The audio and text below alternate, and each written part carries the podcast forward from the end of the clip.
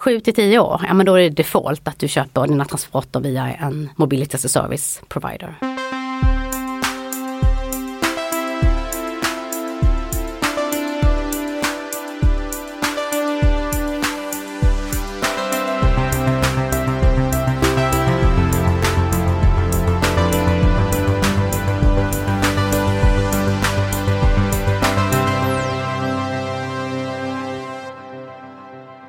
Hej och välkommen till Heja Framtiden. Podcasten som handlar om framtiden och hur vi kan göra den bättre tillsammans. Jag heter Christian von Essen. Många menar att städerna är nyckeln för att skapa en mer klimatmässigt och miljömässigt hållbar utveckling i framtiden. Och där är ju transporter och mobilitet en stor nöt att knäcka. Hur kan vi göra oss av med detta märkliga ägande av en stor plåtburk som vi kör omkring med med fem sittplatser när vi bara behöver en? Och eh, hur kan vi göra det smartare att ta oss runt i urbana miljöer genom olika fordonsslag.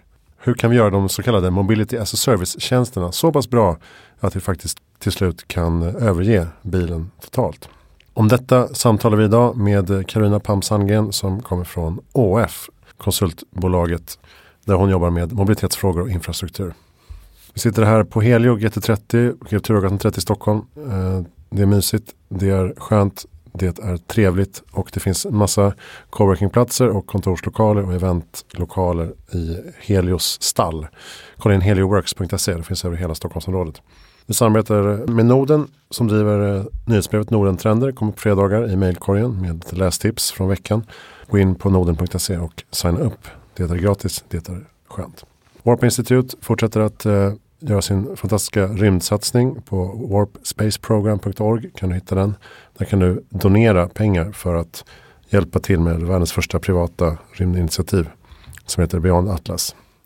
Kolla in det, det är väldigt spännande. Gå också med i Sveriges mest optimistiska Facebookgrupp som heter Sveriges mest optimistiska Facebookgrupp och där är jag med och skriver och redaktörer en gång i veckan. Veckans Affärer har en särskild plats i mitt hjärta för de vill samarbeta med Heja Framtiden tycker jag är helt fantastiskt. Eh, va.se slash poddar finns det numera en del eh, avsnittsartiklar som är extra intressanta för den som vill lära sig mer om det nya näringslivet. Du kan ju samtidigt passa på att prenumerera på deras nyhetsbrev och deras fantastiska fina tidning. Det var väl alla samarbetspartners. Ja, fint. Jag heter Christian von Essen och finns på christianvonessen.com. Eh, connecta gärna med mig på LinkedIn så kan vi eh, ta en kaffe. Jag gillar att träffa nya människor uppenbarligen. Nu rullar vi vidare i full kareta eh, mot en smartare mobilitet i urbana miljöer. Ja tack. Välkomna till Heja Framtiden.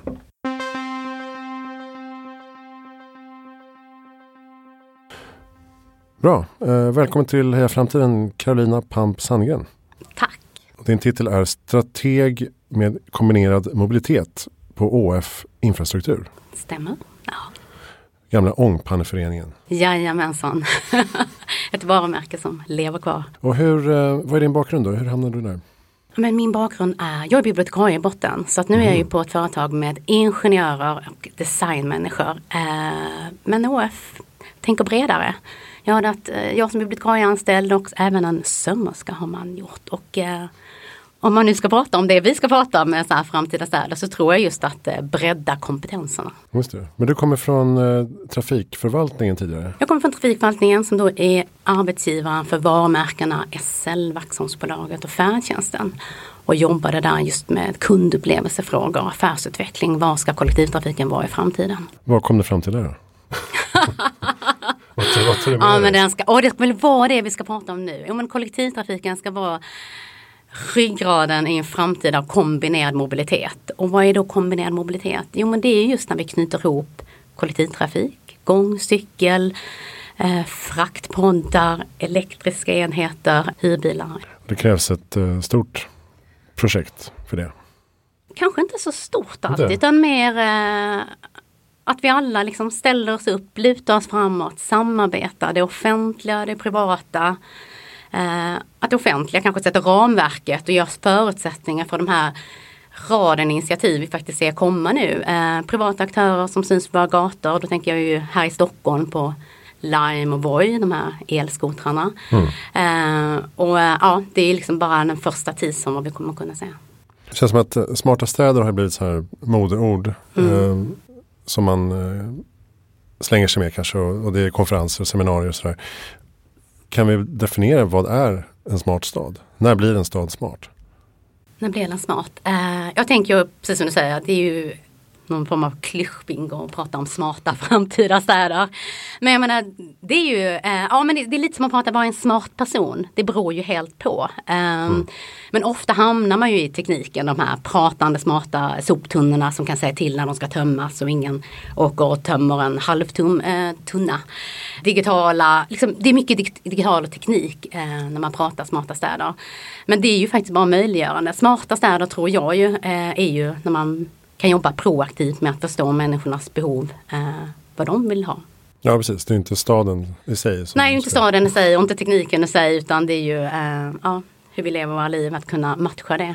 Och jag menar, man pratar ju ofta också om så här, sömnlös kollektivtrafik eller den typen, men det handlar också om ja, men smarta lekparker, smarta skolor såklart. Men, men, men sånt som inte är så kanske ursprungligt från tekniken. Mm. Och när vet man om man har liksom nått målet då med sin smarta stad? Det finns en guru när man pratar om trafikfrågor, eh, Penelosa, för detta borgmästare i Bogotá.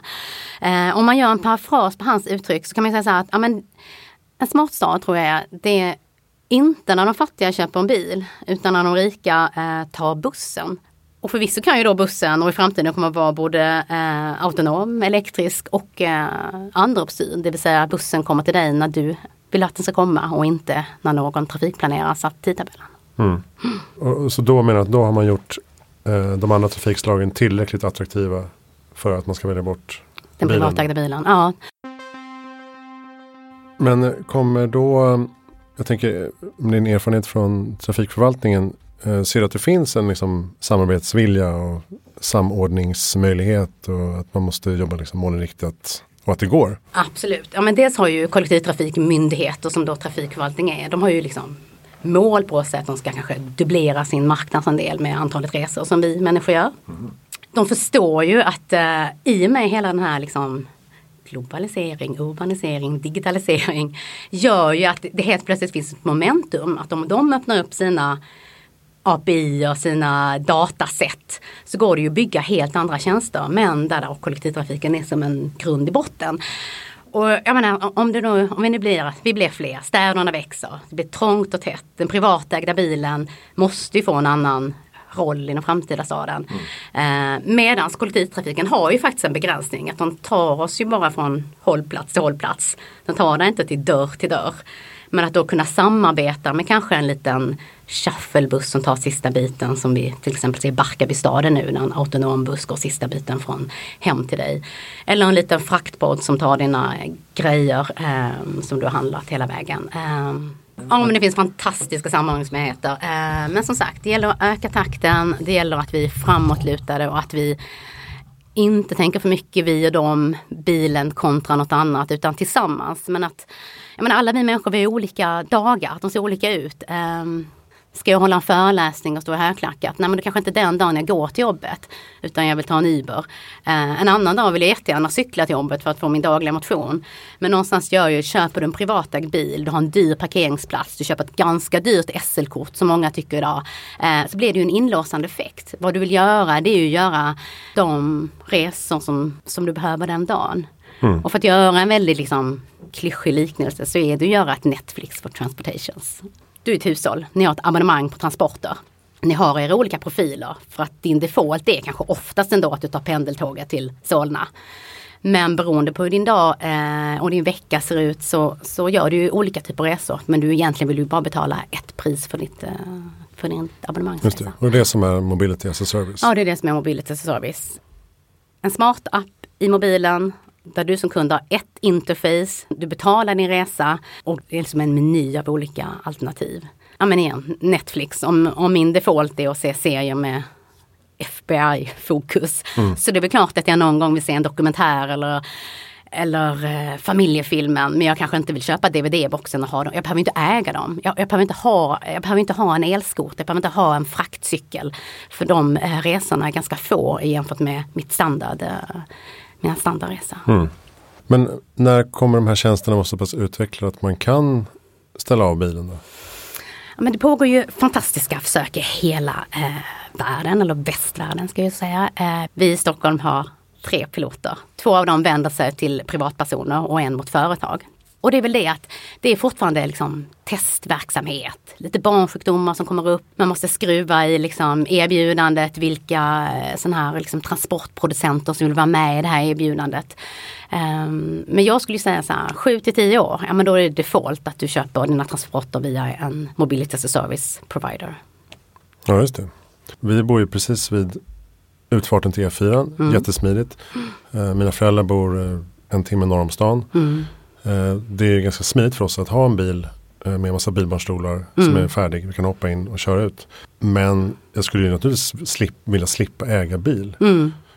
Så det är väl det att det ska vara rätt storlek på bilen. Vi ska få plats fem pers. Det ska vara olika storlekar på bilbarnstolarna. Um, den kanske inte är tillgänglig när jag vill ha den. Så, så det är väl lite så att tjänsterna måste växa också, utvecklas. Verkligen, det måste finnas liksom en en trygghet. Precis, för det är ju det som bilen är idag. Trygghet, du vet att din mobilitet blir löst för den står utanför dörren. Om än kanske på en gata så du måste flytta varje måndag och du, sådär. Men ja, det måste ju bli så stabilt och det, precis som du säger, det måste ju finnas den, det utbudet. Men samtidigt kan man ju säga att en bil idag som man ofta har är ju den är kanske för stor för att vi parkera in i stan men den är samtidigt alltid för liten när vi ska åka till fjällen för då önskar mm. man en annan typ av bil. Så att den dagen det finns liksom tillräckligt utbud med hyrbilar, bilpool, flytande bilpool, olika former. Ja just det, Sen, för på sportlovet kanske jag vill ha en minibuss framkörd Precis. på fredag eftermiddag. Ja, för du tar med några av barnens kompisar någonstans. Och, ähm, mm. Men finns det andra typer av fordon vi kan vänta oss mer av i framtiden i stadsmiljöerna? Vi pratar om små poddar och så här som Ja men de fraktpoddarna de lär väl komma liksom. Mm. Uh, vi, har, vi har läst om dem i San Franciscos gator där de blev avstängda. Och vi, vi på ÅF jobbar mycket konkret med ett försök där vi försöker, uh, ja men du handlar, den följer efter dig, uh, följer mobilens signaler eller liksom enheterna pratar med varandra. Och sen kan den rulla tillbaka till affären för att kunna samutnyttjas igen. Um, jag tror vi kommer se mer och mer nybyggda byggherrar är mycket, de är ju snabba på det här med mobility service eh, koncept. De ser ju pengar tjäna direkt istället för att bygga dyra parkeringsplatslösningar som kanske ändå blir omodernt om 10-20 år. Medan huset i sig ska ju definitivt stå i 100 år. Mm. Eh, börjar man prata mycket mobilitetslösningar, kanske en treplan har liksom ett annat utrymme, en cykeltvätt etc. Men det är bara en, ett, ett fordon. Men tror du att eh, de här flygande taxilösningar till exempel kommer att eh, slå? Eller är det, är det ett helt annat liksom, ja, regelverk? Man, precis, alltid när man pratar om framtidens transporter, liksom, det finns ju så här scenarioanalyser från 60-talet, så ser man ju alltid jetpacken på var människas ja. rygg och tar sig precis vad man vill. Drönare, ja. Eh, om jag har det på radarn där jag har jättekoll på det idag, eh, nej. Men absolut, jag är övertygad om att vi kommer att se det. Eh, men primärt är det inte det jag fokuserar på här och nu. Nej, okay. Jag tänker också att det måste vara ganska svårt säkerhetsmässigt. Alltså om en fallerar, ja. en, en flygtaxi, så ramlar den ner och dödar åtta personer. Det är Absolut. lite olyckligt. Nej, det är ju som, som Arizona olyckan lite som hände för ett år sedan ungefär när en Ivo-bil körde på en kvinna. Mm. Uh, och samtidigt så pratar vi ju alldeles för sällan om hur många bilar där folk kör, hur många som dödas i trafiken varje mm. dag. Du tipsade mig om en podd med Alexander Ståhle Jo, det var i podden Allt du vill veta med eh, Fritte Fritzson. Eh, om framtidens städer med Alexander Ståhle.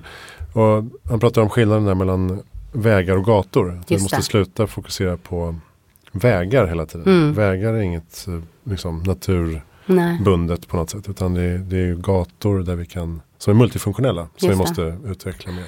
Ja men det är ju där vi lever våra liv. Det är ju där som är smarta städer. Där mm. gatutrymmet är, jag menar, som, det, som det är idag så 25 procent i en stad av gatutrymmet står det bara parkerade bilar. Bilen har sin centrala fokus i mitten medan liksom vi andra får leva i marginalen med gång och cykel. Det måste vi ju ändra helt. Det finns ju också undersökningar på att när man har bilfria innerstäder, hur det ökar, jag menar, allt det där självklara, så hur vi, vi mår och lever. Vi vågar, vi vågar att våra barn ska cykla till, till skolan själva. För det blir ju alltid den där kontraproduktivet att vi, vi skjutsar våra barn så att de inte behöver bli så utsatta i trafiken. Och istället mm. är vi ju själva då en trafikfara för de andra. För en smart stad tror jag gatutrymmet är eh, väsentligt. Ja, Vad kan vi göra då med alla döda ytor som frigörs?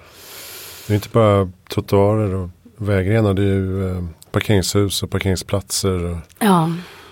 Ja, vi måste ju, allt vi bygger nytt måste vi ju tänka rätt från Mm. början. Och det är ju också väldigt smart, precis som vi sa, att långa planeringshorisonter. Eh, samtidigt måste ju besluten tas här och nu.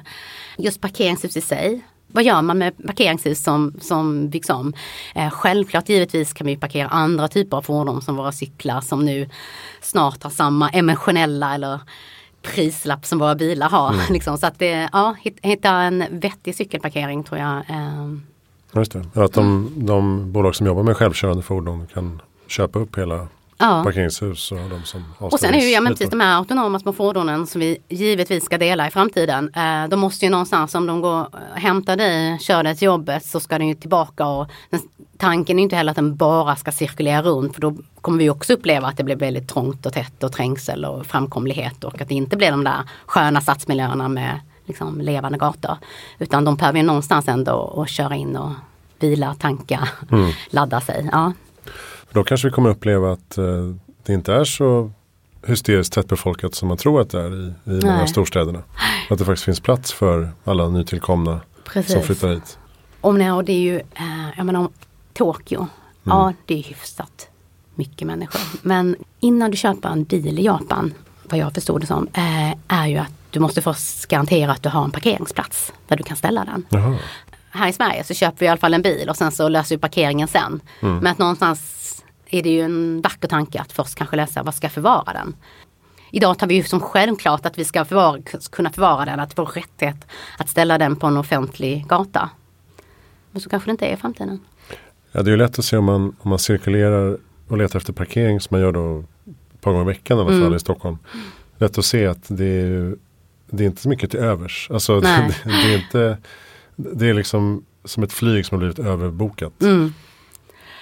Och det finns ju siffror, KTH-forskare som har räknat på just den typen av cirkulation där vi letar en parkeringsplats. Eh, vilka procentenheter det gör att det bidrar till trängsel. Eh, så skulle vi ta bort det, hur skulle det upplevas då? För någonstans ändå, förvisso, Stockholm är en det börjar bli trångt i Stockholm men vi är ju inte en megacity. Megacity brukar man ju säga det är 10 miljoner invånare och över. Jag menar då ska vi också tänka att då är vi ju Sverige. Ehm, så att det kanske inte är så många procent som behöver ställa bilen eller eh, hitta smartare lösning för att det ska upplevas en annan, eh, ett annat gatutrymme. Och sen eh, längtar man efter någon vettig parkeringsapp som säger det finns två platser på Frigatan nu. Absolut. Och det handlar ju igen om det här med öppen data, att vi kan eh, ja, men, luta oss framåt runt ett bord och enas. Eh, och jag menar som sagt, hitta en parkeringsplats på Frigatan. Men sen också kanske att oj, där står en Voi-cykel, jag tar sista biten eller ehm, Ja, att man får Ja. lite olika förslag. ja, olika förslag. Så att Eh, du kan, du kan eh, parkera borta på Nybrogatan. Men då, men då är det en bit hemifrån så då får du ta en Voi. Precis. Ja, Så du kommer hela vägen hem. Eh, Så det tror jag när olika transportslag kan samsas, liksom både i en teknisk plattform eh, men framförallt såklart att hitta en affärsmodell som passar alla partner. Vilket kan ju vara en utopi. Men, men det är där någonstans tror jag, för det är ju så vi, att förstå grundläggande behov, hur, hur vi skulle vilja ha en optimal vardag. Mm. Och Att det lösa väl, mobilitetsserver efter det. Ja. ja, precis, det svåra är väl att alla är enskilda aktörer. Att det inte finns någon som har Samordning. hela Precis. kedjan. Men det ska jag säga, det jobbas det aktivt jättemycket. Jag kan säga alla stora eh, kollektivtrafikmyndigheter som Stockholm, Göteborg och Malmö här i Sverige då. Att öppna upp våra försäljnings-API, att andra kan sälja våra biljetter i den typen av paketeringar som vi konsumenter efterfrågar. Och då lägga till, tänker jag med så här, ja, men vissa, nu pratar vi väldigt mycket om transporter som man själv gör, men många grejer är det ju också att du får dem till, alltså, i den här mobility och servicepaketet, lägg in mat.se eller andra typer av mattjänster som, som eh, allt som har med transport, antingen att du själv färdas eller någon produkt eller tjänst ska komma till dig, eh, läggs in där. Ja, just det. Och det kan ju vara samma sak för dem då. Att eh, du har en person med, med bil som kan frakta påsen. Mm. Och sen kanske någon på cykel som tar nästa bit. Och så. Precis. Alltså, Härligt, ja. alla måste inte Verkligen. vara anställda så här. Nej. Jag är mat.se bud. Precis. Så mer liksom nätverkstänk överlag kan man säga. När Ja. alla börjar dela mer på tjänster. Precis. Ja, nej men verkligen. eh, Samverkan är ett väldigt slitet ord men det är ju ändå det, ja, det är det som är nyckeln. Men jag tänker i, i den här framtida mobiliteten då där eh, Där fordonen är mer uppkopplade och mm. pratar med varandra och kanske infrastrukturen är smartare. där kommer ju liksom Internet of Things hypen in då kan man Just säga. Det. Mm. Finns det problem där med liksom samordning? För där pratar vi, där är det integritet och data. Och ja. vem, kommer liksom, vem ska äga den datan då? Uh, ja.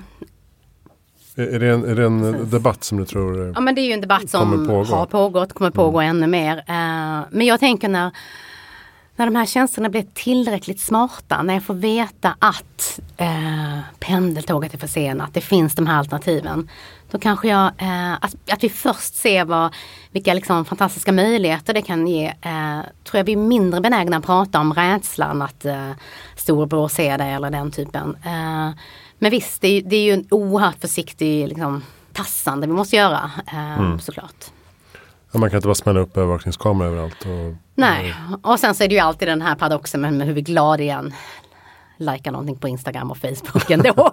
och använder Google vart vi än ska som mm. är kopplat till lite, eh, ja. Så att, äh, Nej, jag, jag, jag, har svårt att förstå eh, den integritetsrädslan mm. på många sätt. Mm. Eh, men jag tänker att där måste man ju liksom kanske gå fortare fram med lagstiftning också för att eh, öppna upp de här möjligheterna att testa autonoma mm. fordon och liksom kommunicera med varandra. Och så. Uh, och ja, men det handlar väl mycket om lagstiftning, pol, hitta nya policies, mycket förhållningssätten. Um, det här med att du kan ha en tjänstebil men du kan inte ha en tjänste, tjänstemobilitetstjänst. Det är någonting vi också jobbar aktivt med, mm. uh, att påverka det. Ja, men så man behöver både jobba liksom på systemnivå men sen också jobba liksom med beteendeförändring, liksom nudging, driva påverkan med abstrakt, inte med abstrakt så att det inte är bra för miljön att du kör bil utan konkreta handlingsråd till oss människor hur vi ska agera. Mm. Uh, så att ja, men att poletten både trillar uppåt och trillar neråt uh, för att driva mot en hållbar smart stad. Vilka typer av kunder kan, är det som ni jobbar med då? På er avdelning? Ja, på vår avdelning, på vår avdelning stort ska jag säga att vi jobbar mycket med kommuner och det offentliga världen. och ÅF som bolag jobbar ju med liksom med allt ifrån börslistan till det offentliga. Mm. Och det är väl någonstans där jag tycker det är så läckert med så stort bolag som jag är på att vi, vi har liksom alla kompetenser vi har från liksom beteendedesign, UX-design, hur bygger du bästa appen? Till att vi har ju liksom killar och tjejer som kan bygga en autonom bil. Eh, till liksom fastighetsvärden, arkitekter, ljus, ljud. Smarta staden handlar ju också väldigt mycket om, kommer ljudbilden att förändras nu då med det tysta elektriska fordon som ska tassa mm, fram. Eh, stadens oljud blir välljud men hur blir det? Eh, till att vi har ju liksom folk som kan bygga. Eh, så att eh, ja, nej, men vi skulle kunna ta oss an en hel smart stad och bygga från grunden. Mm. Ehm. Där tänker jag att eh, Stockholm till exempel och många europeiska städer har ju en så otroligt gammal grund. Mm. Eh, nu intervjuade Emma Jonsteg på Utopia Arkitekter. Hon tyckte inte att det var ett problem att bygga hållbart och smart. Nej. Trots att det är liksom 1700-1800-tal hus och sådär. Men kliar i fingrarna skulle man ibland vilja liksom börja om någonstans. Bara, här är en plätt. Ja, men när vi pratar om de här urbana storstäderna så kan de ju också lätt kanske tappa sin själ eller sin kärna. Så att liksom, nej men snarare få möjligheten som är i en gammal stad att liksom lägga på allt det här smartare lagret med tekniken och, som en möjliggörare idag. För det finns ju det här exemplet i, i Sydkorea där man byggt en helt ny stad från grunden som ska vara världens smartaste stad. Ja, men där man har lite utmaningar med att människor ska vilja flytta dit. Befolkning. Nej, precis.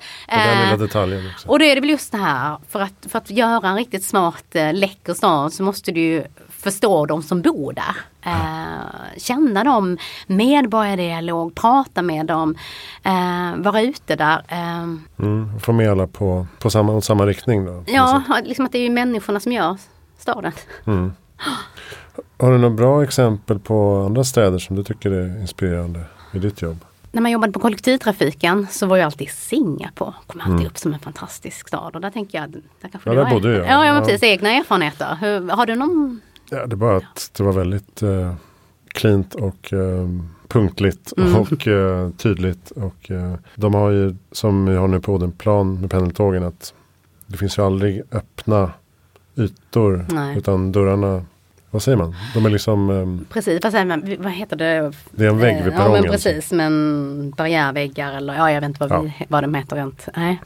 Men uh, nej det jag minns framförallt är att det var otroligt kallt på de här tunnelbanorna. Mm. Det, är så, det är så fräscht med aircon i de mm. länderna. Så att man eh, blir förkyld hela tiden.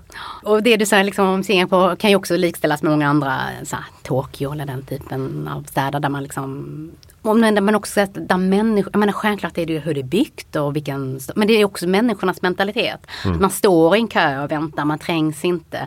Hur trångt den är så kanske det inte känns obehagligt trångt utan, och, jag menar, väldigt tryggt. Eh, Ja det finns ju markerat i golvet var man ska stå, man ska stå eh, vid tunnelbanedörrarna. Jag hörde en Singapore när vi intervjuade en, jag var på SL om eh, var en, var, när är det trångt i Singapores tunnelbana? Jo men när jag inte ens kan få upp min smartphone och titta den, då upplever de trångt. ja, Annars är det okej. Okay. Och det är också hur uh, Singapore har jobbat mycket med så här mobility management. Hur man kan med mjuka verktyg kan påverka hur människor uh, väljer att åka. Bland annat har de ju då en olika prissättning för uh, peak hour. Mm -hmm. Samtidigt är det ju väldigt många människor som inte kan påverka sin tid när man börjat jobbet. Man har inte den här tjänstemannaflextiden. Jag kan börja Nej. någon gång mellan åtta och halv tio och sladda in efter jag lämnat barnen på dagis. Utan det kan ju finnas till exempel i sjukvården där du börjar en tid sharp. Och då skulle ju ett sådan prissättning, till exempel i Stockholmstrafiken, bli väldigt eh, orättvis. Som våra politiker inte vill göra. Mm.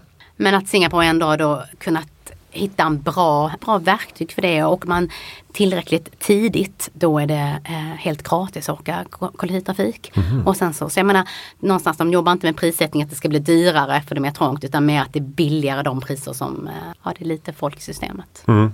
Just det. Och det är fullständigt omöjligt att planka det också kan man säga. Det är ja, ju ja, det riktigt eh, rigoröst. Eh, spärrmässigt eller rent beteendemässigt att det är väldigt ja, så skam. Ja, ja precis. Mm, mm. Men sen så, jag menar härliga städer. Ja, nej, men Malmö kommer alltid upp. Duktiga på att jobba, tänka hållbart.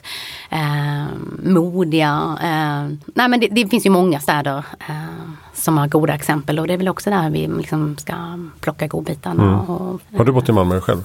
Nej, jag kom från Helsingborg. Helsingborg mm.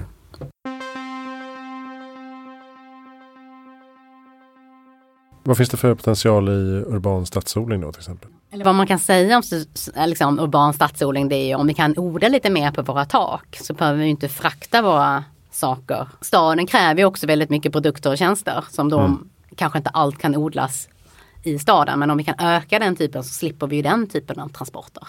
Men vi har ju en eh, chefstrateg, eller chefsarkitekt, eh, Thomas Sandell. Jaha. Han pratar sig väldigt varm om urban stadsodling. Så mm. att, eh, Ja, vill du veta mer kanske du ska bjuda in honom. Ja precis, Nej, men det kommer ju förstås men just nu känns det som att det är på så små nivåer. Så att, ja men det är ju så här, grill, ja men precis, gerillanivå, liksom BRF-människorna får en pallkrage och odlar sin grönkål.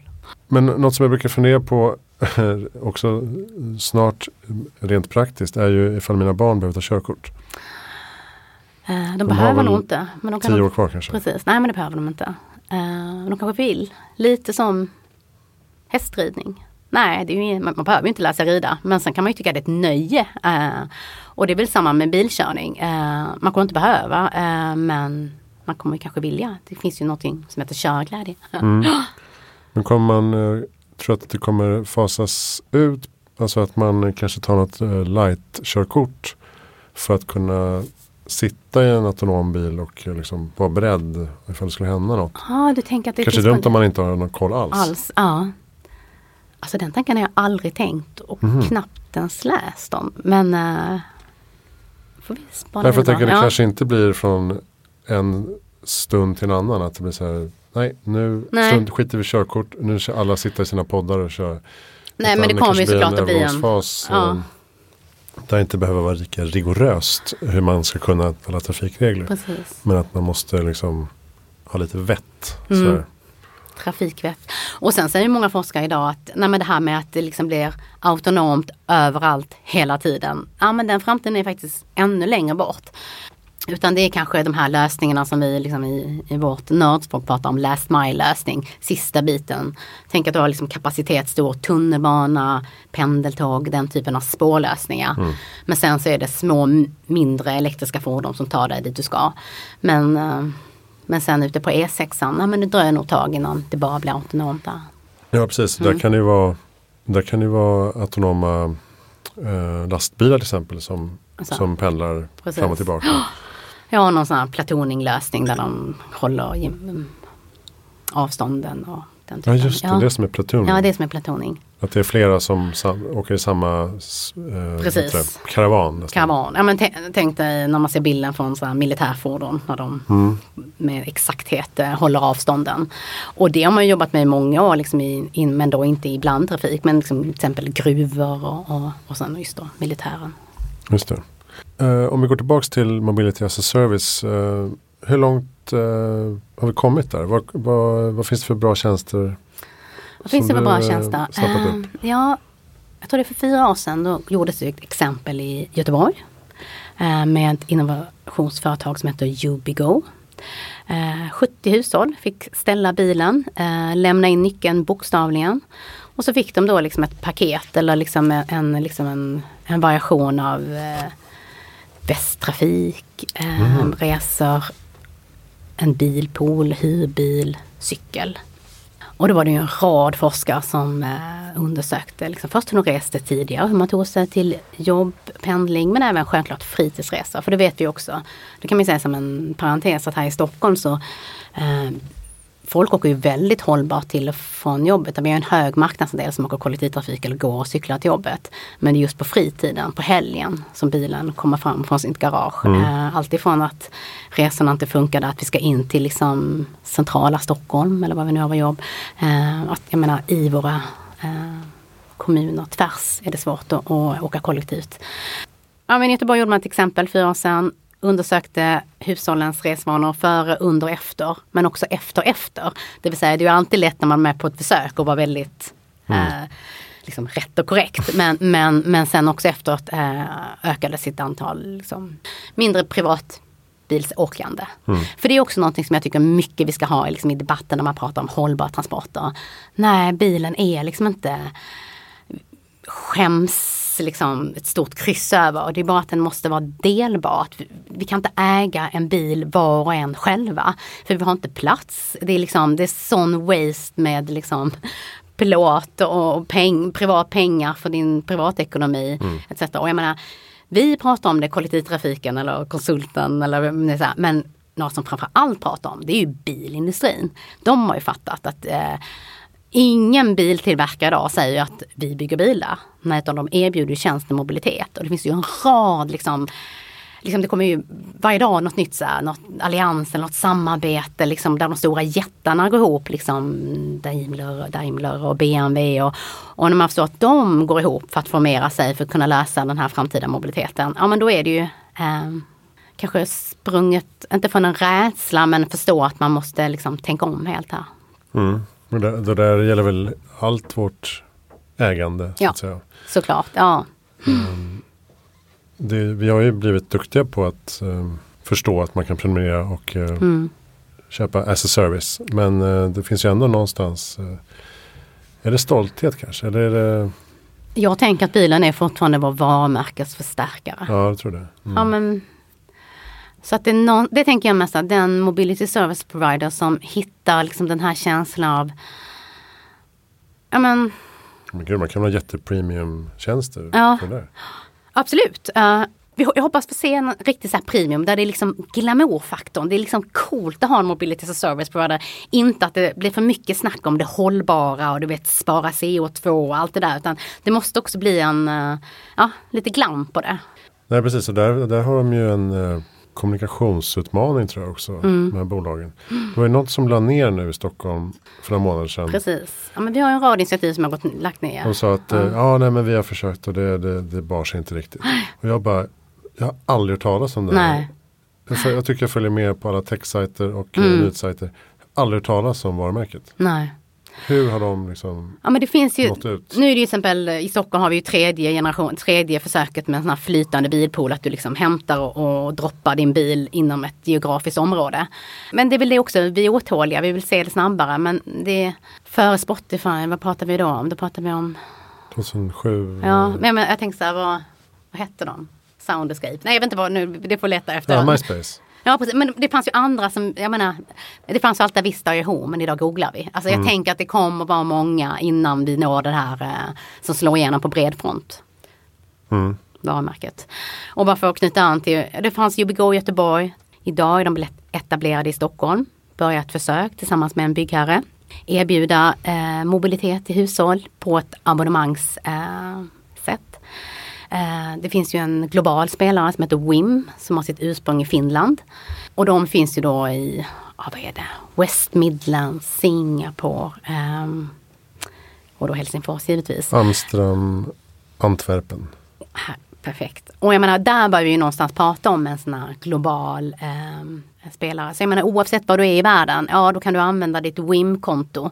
Som då antingen ett small, medium eller large konto beroende på hur du reser. Eller helt enkelt så bara pay as you go eller pay as you ride. Att du betalar för det du vill åka. Men det är, det är biltjänst? Nej, det, det, är just en sån här eh, mobility as a service-tjänst där du har kollektivtrafik, du har eh, mm. du kan mm. få hem dina paket, hyrbil, taxi, Okej, okay. mm. så det är alla, alla, alla dina behov så att säga.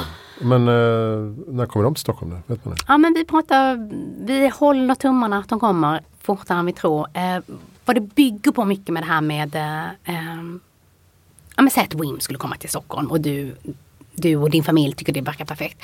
Då blir det ju någonstans att du betalar ju din liksom, bussbiljett till WIM du, betalar, du har ju inte parallellt ett SL-kort eh, som du blippar. Eh, så det bygger på att lösa den här med för, hur man säljer sin bussbiljett. Så det, ja, det bygger på att systemet. SL ja. öppnar sina eh, försäljnings-API eh, så att andra kan bygga tjänster på det. Mm. Eh, och det är förstås för det offentliga både en fantastisk möjlighet att nå ut till andra som aldrig kanske skulle gå och köpa ett, ett busskort eller månadskort upfront med de hundra lapparna. Utan kan testa lite eh, några tjänster eller åka efter det behovet man har. Just det, och då blir det också lättare att lägga upp till färdsätt. Att, eh, ja, men nu har vi fått självkörande poddar om Precis. tre år. Då, då kan de ta det från ja. pendeltåget till dörren. Mm. Så får man addera en extra last mile liksom, lösning.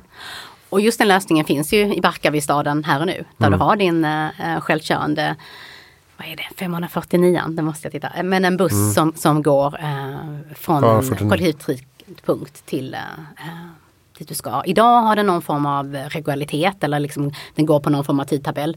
Men i framtiden finns det inget som säger att den inte kommer att vara så här andropsstyrd. Det vill säga att du säger när den ska komma och hämta dig eller lämna dig. Mm. Det tycker jag också man kan tänka sig på eh, lite mer glesbygd. Mm. Att man kan anropa eh, för busshållplatserna istället för att förlita sig på tidtabell. Absolut. Eh, någonstans som de sa, det är ju som den gamla tv-tablån. Inte rättar jag mitt liv efter att liksom aktuellt visas 1930. Eh, jag ser det när jag vill, när det passar mig i mitt liv. Och samma är det väl liksom med framtidens busstabeller. Den ska komma när jag på resa istället för att den halvtom buss eller helt en buss går någonstans från punkt A till B, ingen resa med den. Ehm. Mm. Uh, just det, så hade vi IMO som du var inne på. Ja, uh, precis. Som har el, elbilsflotta i Stockholm, då, 300 stycken. Um, som man hämtar och lämnar vad man vill. Som hämtar och lämnar vad man vill. Uh, föregångaren heter Car2Go Drive Now uh, som lever kvar som tjänster men dock inte i Stockholm tyvärr. Eh, de är väldigt starka annars, alltså just Drive Now till exempel i Tyskland där man har ett nära samarbete med liksom kollektivtrafikmyndigheter. Och där, där finns intressanta undersökningar som visar på att uh, ett nära samarbete gör ju att även liksom kollektivtrafikresorna ökar i antal. För många kan ju säga det här, men om det är för enkelt att ha en autonom elektrisk bil som inte släpper ut något eh, ljud och, avgaser. Hur blir det då i framtiden? Åker vi bara runt i våra små poddar en och en, då blir det också ganska trångt och tätt och mm. allt det där ju. Och inte så schysst sådär gatusrummel. Och ensamt. Nej, så det gäller nog där också att, att hitta, nej, eh, grunden är kanske, ryggraden kanske är som sagt en tunnelbana. Och sen så lägger du på det där andra på first and last mile lösningen. Ja, precis. Man får ju komma ihåg att det är många som eh, konsekvent inte väljer kollektivtrafik. Absolut. Eh, för att de har sin bil och är mm. väldigt trygga med det. Men kan man erbjuda en annan lösning där eh, man kan bli bekvämt skjutsad till pendeltågsperrongen mm. så finns det inte så mycket argument längre. Nej. Men sen kan man ju säga att argumentet kan ju vara att nej, men jag vill inte stå i någons armhåla på väg till jobbet. Jag vill ha mm. min privata space. Eh, och där får vi också börja fundera på hur framtidens kollektivtrafiksutrymme kan se ut. Kan man boka? Kan man eh, hitta sin lilla yta på något sätt? Eller, eller se en, en, eh, en graf över eh, när folk åker. Absolut. Så att man vet att ja, men, eh, jag tar nog det tidigare tåget istället. För ja. där brukar inte vara så mycket folk se på den här tabellen. Och det är typiskt sånt som man brukar kalla så mobility management. Som, vi gjorde ett exempel, till exempel på gröna linjen där man just kunde säga så här, men 7.49 då är det ganska trångt, då är det rött. Men tar mm. du bara 7.53, ja men då är det lite mindre gult och sen säger han till. ofta får, får, ger vi bara den kunskapen till liksom människorna så kan man ju eh, i den mån laborera lite själv eh, exakt vilken man ska åka. Mm, då känns det som att eh, AI och uh, Internet of Things och, så mm. kommer liksom, och Big Data, alltså allting mm. kommer liksom samspela ja. för att göra det här smartare. Ja men så är det ju bara, man går in, om man ska kolla Åhléns öppettider och in på Google så ser du ju direkt när det är mycket folk i butiken. Mm. Det skulle vara fantastiskt om vi hade det på röda linjen också. Um, men du skriver på er uh, mobilitetsblogg här uh, på OF att du ser fram emot Lima. Vad är det för någonting? Lindholmen Science Park ligger i Göteborg. Eh, där är många teknikföretag eh, och liksom Chalmers etc. Eh, där kommer man testa en mobilitetstjänst. Eh, men att det kanske är arbetsgivaren som erbjuder det till de anställda. Alltså inte de här som är utanför som går mot privathushållet utan i din tjänst. Mm. Eh, får du den, kanske ett avdrag på lönen etc. Jag vet inte hur de ska eh, ja, men Istället för tjänstebil då? Ja, istället för tjänstebil. Mm. Ja. Eh, och jag menar, där ska vi säga, där var ju Scania eh, föregångare och släppte förra året till och med. eh, någonting som heter Scania Go. Eh, för de anställda i Södertälje. Eh, där man också har, du har en app i telefonen. Det vill säga du slipper printa några, några eventuella eh, bussar, eh, tidtabeller.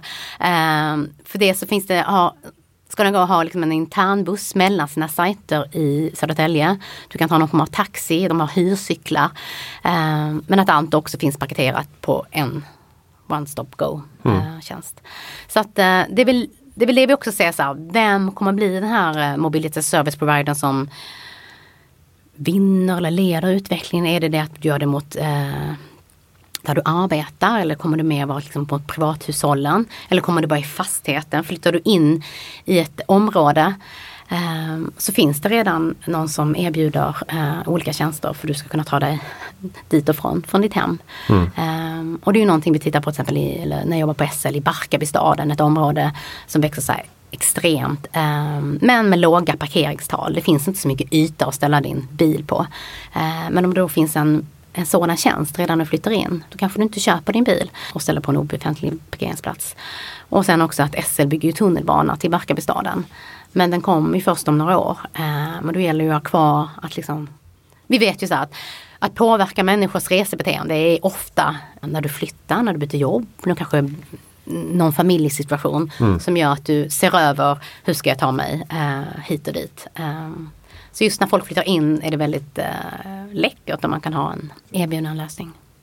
I den här bostadsrättsföreningen så använder vi Precis, den här ja. Och det finns ju allt från det här oerhört enkla, liksom att det finns eh, liksom tre hyrbilar utanför.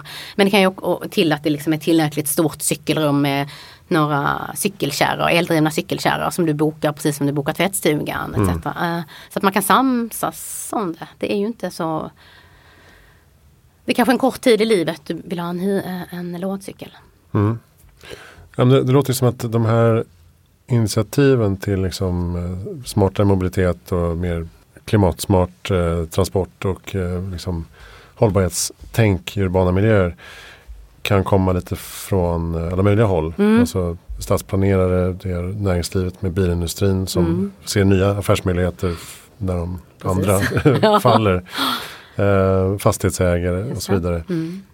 Jag tänker att eh, eftersom de flesta kommer bo i städer och eh, eftersom städerna gör mest avtryck och eh, har störst möjlighet att påverka klimat och sådär så, mm. så känns det som att lokalpolitikerna blir desto viktigare. Mm. Alltså att de kommunalpolitiker och eh, stadsfullmäktige och sånt, att mm. de har ganska stor förändringskraft. Verkligen och de, har ju rådighet mycket exempel just över parkeringsfrågan på kommunal nivå. Men jag tänker verkligen att det är från alla nivåer, det är liksom stadsnivå med, om man hittar liksom policies och regelverk som kan hantera den här nya mobiliteten.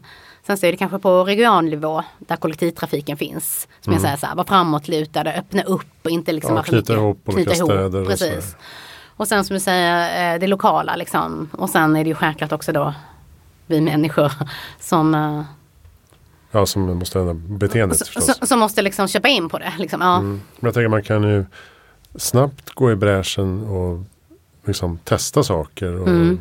Nu ska vi ha gågata här och så ska vi ha elcyklar där. Och så ska mm. vi...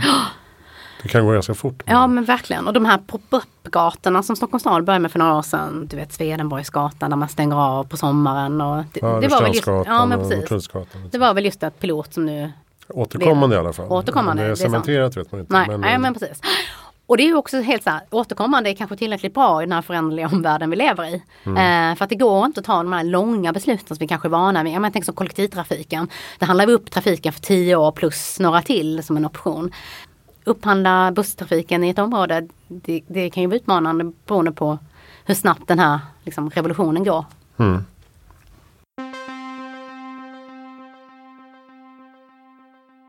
Alltså mobilt as service lösningarna de löser ju ett problem liksom, men det blir ganska ytligt då i början kan jag tänka mig. Alltså att mm. eh, de löser ju inte liksom att pendeltåget står stilla. Nej men så är det ju och, det, och det, det, ska man tänka på. Och jag har ju hört mig själv säga i den här podden att vi måste samverka oerhört mycket. Men med det måste vi ha liksom kundens fokus först och främst. För att om jag som kund har en sån här tjänst vem ansvarar för hela min resa? Att jag kommer fram dit jag ska. Så det inte någonstans blir att mellan Taxi Stockholm och SL så skiter det sig. Vem ansvarar för att det inte stod en taxibil när jag gick av pendeltåget för att kunna ta mig ända hem? Uh, så att, nej men det ska man ju tänka på. Det är väl många som väljer bort SL eller kollektivtrafiken i stort idag för att de tycker att den inte funkar. Eller man läser i tidningen framförallt väl att pendeltåget står stilla. Och nej, det kommer inte bli annorlunda för att du har köpt tjänsten via en tredjepartsleverantör. Och det ska man komma ihåg, trafikala liksom, utmaningar kommer jag alltid ha. Det, liksom, pendeltåg kommer alltid stå still någon gång i framtiden. Men om man då SL samtidigt, eller den här tjänsten kan tipsa om att ja, men det står 50 elskotrar, vi har 30 taxibilar på väg, Uber finns runt hörnet. Så att jag som resenär ändå kan komma dit jag ska.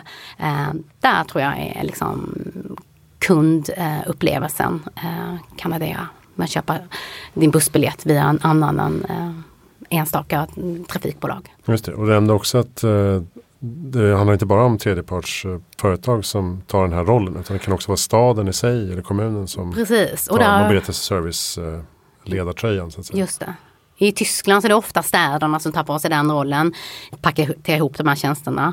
I Oslo så har vi kollektivtrafikmyndigheten Ruter. De väljer att liksom addera cyklar och hyrbilar i sitt erbjudande. Det vill säga stripar om sina, stripar om eh, så att det står rutor som det redan gör på deras spårvagnar och, och eh, bussar och tåg till exempel.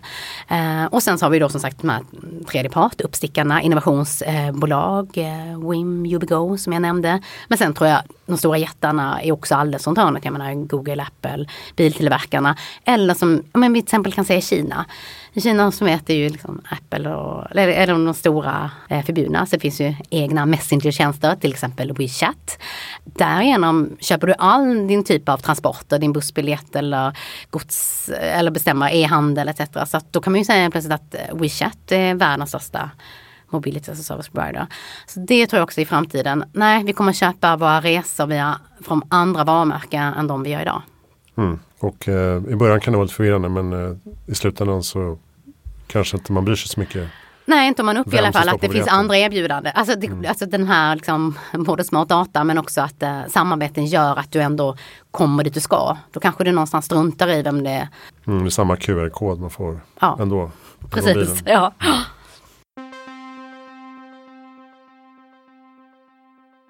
Vad är ditt bästa tips för att göra världen bättre i framtiden? Alltså det är en sån stor fråga så jag vet, nej, jag vet faktiskt inte. Ja men, ja, men det är väl, och ja, ja, men det väl jobba lokalt tänker jag. På liksom, ja gräv där du står. Uh, mm.